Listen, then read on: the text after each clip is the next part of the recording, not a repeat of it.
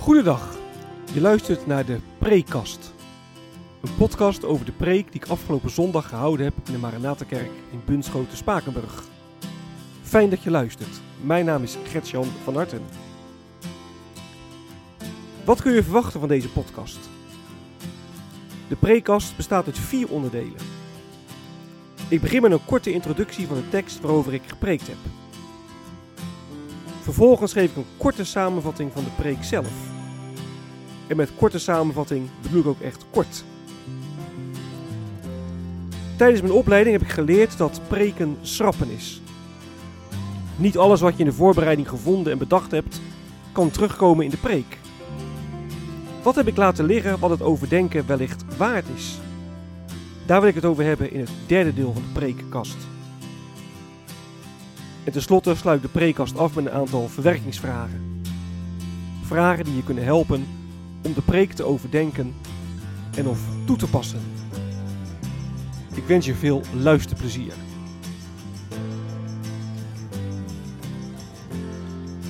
De tekst.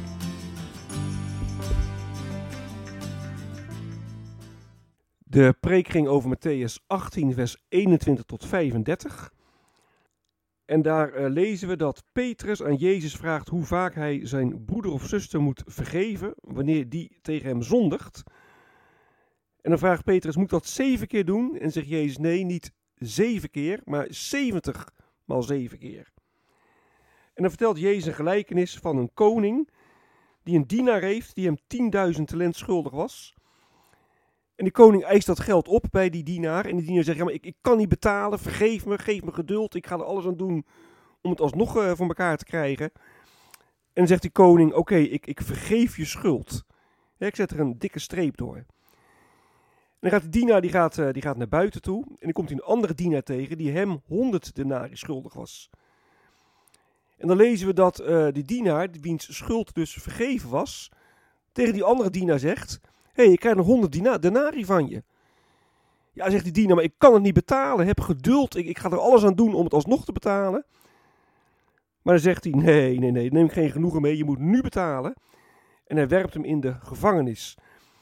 Nou, toen de koning dat hoorde, hè, dat degene aan wie zoveel uh, kwijtgescholden was, een ander niet wilde vergeven, toen werd hij heel toornig. En de eerste dienaar werd opgepakt, in de gevangenis geworpen. En dan lezen we in uh, vers 34. En zijn heer was zo kwaad dat hij hem in handen van de gerechtsbeulen gaf, tot hij de hele schuld zou hebben betaald. En dan eindigde Jezus met: Zo zal mijn hemelse vader ook ieder van jullie behandelen die zijn broeder of zuster niet van harte vergeeft. De preek.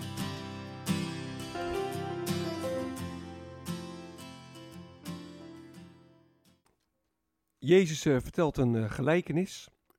En hij zegt, er was een, een dienaar die had een schuld van maar liefst 10.000 talent bij een, uh, een koning uitstaan. En als je dat omrekent naar vandaag, 10.000 talent, dan kom je uit op een bedrag van maar liefst meer dan 300.000 jaarsalarissen. Nou, die koning, hè, die staat symbool voor God. En die dienaar, dat zijn wij, wij mensen. En daarmee laat Jezus zien dat wij een niet terug te niet terug te... Er is vergeving, geef het door. Dat was het thema van de preek. Er is vergeving, geef het door. Jezus die vertelt een, een gelijkenis. En hij zegt, er is een, een dienaar die heeft een schuld uitstaan bij de koning van 10.000 talent. En als je het omrekent naar geld eh, van vandaag, dan kom je uit op een bedrag van meer dan 300.000 jaarsalarissen. Nou, dat is een enorm grote schuld, een astronomisch hoog bedrag. En die koning, hè, die staat voor God en die dienaren zijn wij mensen. En zo laat Jezus zien, wij, wij mensen, wij hebben een schuld bij God uitstaan, ja, die kunnen we van ons leven niet betalen. Onmogelijk. Maar dan lees je dat de koning die schuld kwijtscheldt. En God vergeeft ons onze schuld. En God zegt niet, ik, ik, ik, ik, ik kijk door de vingers en ik, uh, nou ja, ik zal er niet al te veel aandacht aan besteden. Nee, God zegt, ik neem die schuld van jullie voor mijn rekening. Jezus Christus, hij gaat voor die schuld betalen. dat is natuurlijk een enorm groot wonder. Ook een enorme bemoediging als je nou, worstelt met schuldgevoelens. Als je denkt, ik doe het nooit goed genoeg voor de Heer. Als je denkt, nou, God zou mij wel niet willen vergeven. God vergeeft onze astronomische schuld. Onvoorstelbaar. Maar nu werkt dat evangelie uh, door. Hè? Als je zelf vergeving ontvangt, dan ga je ook andere mensen vergeven. je moet oppassen dat je het evangelie niet veel te veel verinnerlijkt. Dat je zegt, nou, het gaat alleen om het feit dat mijn zonden vergeven zijn. Het gaat om, om mijn band met God. Nee, God vult ons hart met zijn genade, zodat wij andere mensen genadig zijn. als je vergeving van God ontvangt, er is vergeving, dan wil je doorgeven aan een ander. Geef het door. Nou, dan komt natuurlijk wel de vraag boven: moet je dan iedereen uh, zomaar vergeven? Hè? Moet je dan zeggen: zand erover, we hebben het niet meer over? Nou, daar moet je wel echt wel voorzichtig mee zijn. En zeker in de kerk. Er kan heel makkelijk en snel gezegd worden: ja, we zijn allemaal zondaars en we moeten allemaal van genade leven, dus, ja, dus vergeef het maar. En dat klinkt heel vroom, dat klinkt heel bijbels. Maar daarmee wordt een, ja, een slachtoffer nog meer onrecht aangedaan. Kijk, vergeven betekent niet dat je doet alsof niks gebeurd is. Er moet wel wel recht worden gedaan. Kijk, het punt is alleen dat het gaat om de vraag: ja, vanuit welke grondhouding gebeurt dat? Ben je echt uit op wraak? Wil je de ander kapot maken? Of ben je uit op herstel, op, op, op zuivering, op genezing? Ja, zelfs dan is dat niet gemakkelijk. Hè? Die diener uit de gelijkenis, die, die had iemand die hem dan weer 100 denari schuldig was. En dat was een heel klein bedrag in vergelijking met die 10.000 talent die hij de koning schuldig was. Maar als je 100 denari omrekent, nou, dan geld van vandaag, dan kom je toch nog wel uit op zo'n drie maand salarissen. dat, dat, dat geef je niet zomaar even weg. Hè? Dat, daar moet je echt even ook goed over nadenken. Vergeven, dat, dat kost je echt wat. En dan kun je ook naartoe moeten groeien. Dan heb je misschien hulp nodig, professionele hulp. Maar de vraag is, ben je bereid? Bereid om een ander te vergeven? He, zoals het ook in vers 35 staat. Zo zal mijn hemelse vader ook ieder van jullie behandelen. Die zijn broeder of zuster niet van harte vergeeft. Het gaat echt om de instelling van je hart. Ben je bereid? Nogmaals, eventueel met hulp. Kan tijd overheen gaan. Maar ben je bereid om een ander te vergeven? Kijk, als je die ander niet vergeeft, dan, dan, dan blijf je gebonden aan, aan dingen die gebeurd zijn in het verleden. Dan blijf je gebonden aan je pijn en je verdriet. En dat beheers je dan ook helemaal en dan raak je verbitterd. En dan kun je ook niet verder. Nou, als je de ander vergeeft, dan, ja, dan kan het van je worden afgenomen. En op die manier kun je echt zeggen dat, genezing, dat, dat vergeving echt genezend werkt. Nou is ook nog een vraag apart of je ook een ander moet vergeven als hij of zij geen berouw heeft.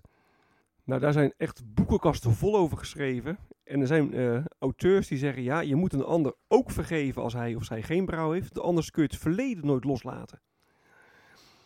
Nou, ik wil er wel een, een kanttekening bij plaatsen. Kijk, laat duidelijk zijn, ik gun het iedereen dat je los mag komen van de pijn uit het verleden. En dat er ja, echt een stuk genezing mag komen. Maar ik denk dat de Bijbel wel laat zien dat vergeving ook te maken heeft met het wegnemen van schuld. En als iemand geen berouw heeft, hoe kan die schuld dan verdwijnen? En als een ander geen berouw heeft, dan kun je ook niet verzoenen. Hè? Vergeving en verzoening, ja, die hebben alles met elkaar te maken. God vergeeft ook ons in de weg van berouw. We moeten vergeving vragen. Dat is ook in die gelijkenis. Die beide dienaren zeggen, heb geduld met me, uh, wees me genadig.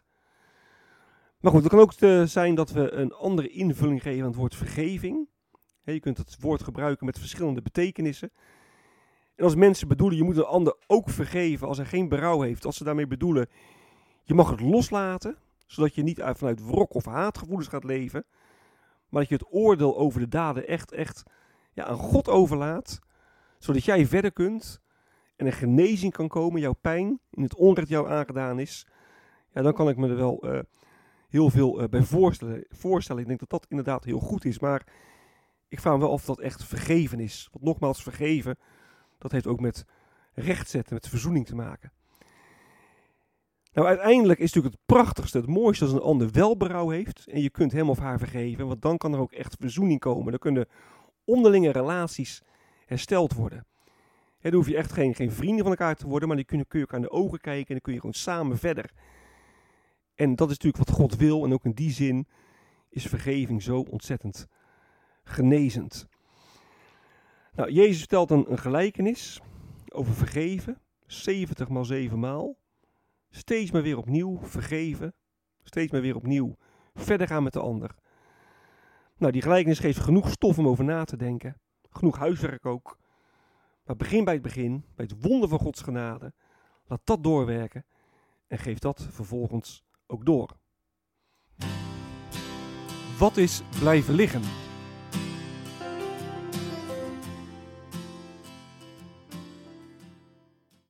Ik wil dit keer eh, twee dingen noemen. En het eerste wat ik wil noemen, dat is mezelf eigenlijk nooit eerder opgevallen, maar ik las dat in een van de commentaren ter voorbereiding op de preek.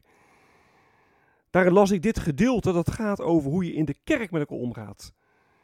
kijk naar vers, vers 21, dan zegt Petrus, als mijn broeder of zuster tegen mij zondigt, hoe vaak moet ik dan vergeven? Dus het gaat hier niet zozeer om, om hoe je naar andere mensen toe bent, maar echt alleen naar geloofsgenoten. Nou, of dat waar is of niet, ik, ik, weet dat niet. Ik moet daar nog eens goed over nadenken, wat daar de consequenties van zijn. Maar het is wel goed om daar eens, ja, eens verder je gedachten over te laten gaan. Geldt dit alleen voor hoe we richting elkaar in de kerk zijn? Dat we elkaar dan continu vergeven? Of moeten we ook onze vijanden vergeven? Het tweede wat ik uh, wilde uh, aankaarten, ik heb er in de preek heel kort aan het slot even iets over gezegd in een paar zinnen, maar ik heb het niet echt verder uitgewerkt. Maar maakt Jezus hier het evangelie voorwaardelijk? Hij zegt hij, ik wil jou pas vergeven als jij ook een ander vergeeft. Als jij een ander niet wil vergeven, dan vergeef ik jou ook niet. Wordt dan toch een voorwaarde aan het evangelie gesteld? Nou, ik heb daar in de preek niet al te veel aandacht aan besteed. Als aanzet, als denkrichting wil ik wel aangeven. Ik, ik denk dat het echt begint bij het begin. En dat is bij het feit dat de koning zijn dienaar die schuld vergeeft. Het begint echt bij de vergeving van God. die dienaar had helemaal niks gedaan en die kreeg al vergeving. Maar ik denk dat het hier vooral om gaat dat het evangelie echt in beweging moet zetten. Niet als voorwaarde, maar als een, als een stuwende kracht. Nou, ik heb in de preek daar niet verder uh, heel veel aandacht aan besteed, maar ook daar kun je toch eens goed over nadenken. Verwerkingsvragen.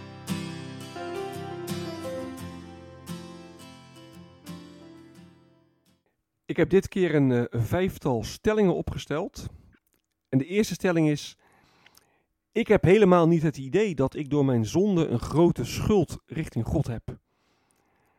als je die gelijkenis leest, dan maakt Jezus duidelijk: jullie mensen, jullie hebben een astronomische schuld uitstaan. Een schuld hè, van meer dan 300.000 jaar salaris. Het is onvoorstelbaar. Maar de stelling is dus: ik heb dat idee helemaal niet. Hè. Kunt de vraag ook stellen: geloof je dat? Besef je dat? Ervaar je dat? Dat je die schuld hebt? De tweede stelling is, als je beseft wat God jou allemaal heeft vergeven, ja, dan is het helemaal niet moeilijk meer om een ander te vergeven. voor de duidelijkheid, ik zeg niet dat dit stellingen zijn waar ik achter sta, maar het zijn stellingen waar je over door kunt spreken met elkaar. Als je beseft wat God jou allemaal heeft vergeven, dan is het helemaal niet moeilijk meer om een ander te vergeven. En de derde stelling is, ik vraag regelmatig vergeving aan een ander. Ik vraag zelf hè, regelmatig vergeving aan een ander. We kunnen zo makkelijk zeggen, we moeten allemaal van vergeving leven. En dat geloven we ook, hè, maar dan denken we vooral aan de vergeving van God. Maar hebben we ook door dat we andere mensen tekort doen en vragen we hen dan ook echt om vergeving? En misschien het ook goed om voor jezelf na te denken. Wanneer heb ik nou echt voor het laatst iemand om vergeving gevraagd? Of leef je op zo'n manier dat het helemaal niet nodig is? Nou, de vierde stelling is als jij niet vergevingsgezind bent, dan zal God jou ook niet vergeven. En dat sluit natuurlijk aan bij wat Jezus zegt uh, in het slot van die gelijkenis. Zo zal mijn hemelse vader ook ieder van jullie behandelen die zijn broeder of zuster niet van harte vergeeft. wat betekent dat nou? Als jij niet vergevingsgezind bent, zal God ook jou niet vergeven. En de laatste stelling, nou die, die voel je misschien wel aankomen, dat is iemand die geen berouw heeft, hoef je ook niet te vergeven. Iemand die geen berouw heeft, hoef je ook niet te vergeven. Dit is het einde van de prekast.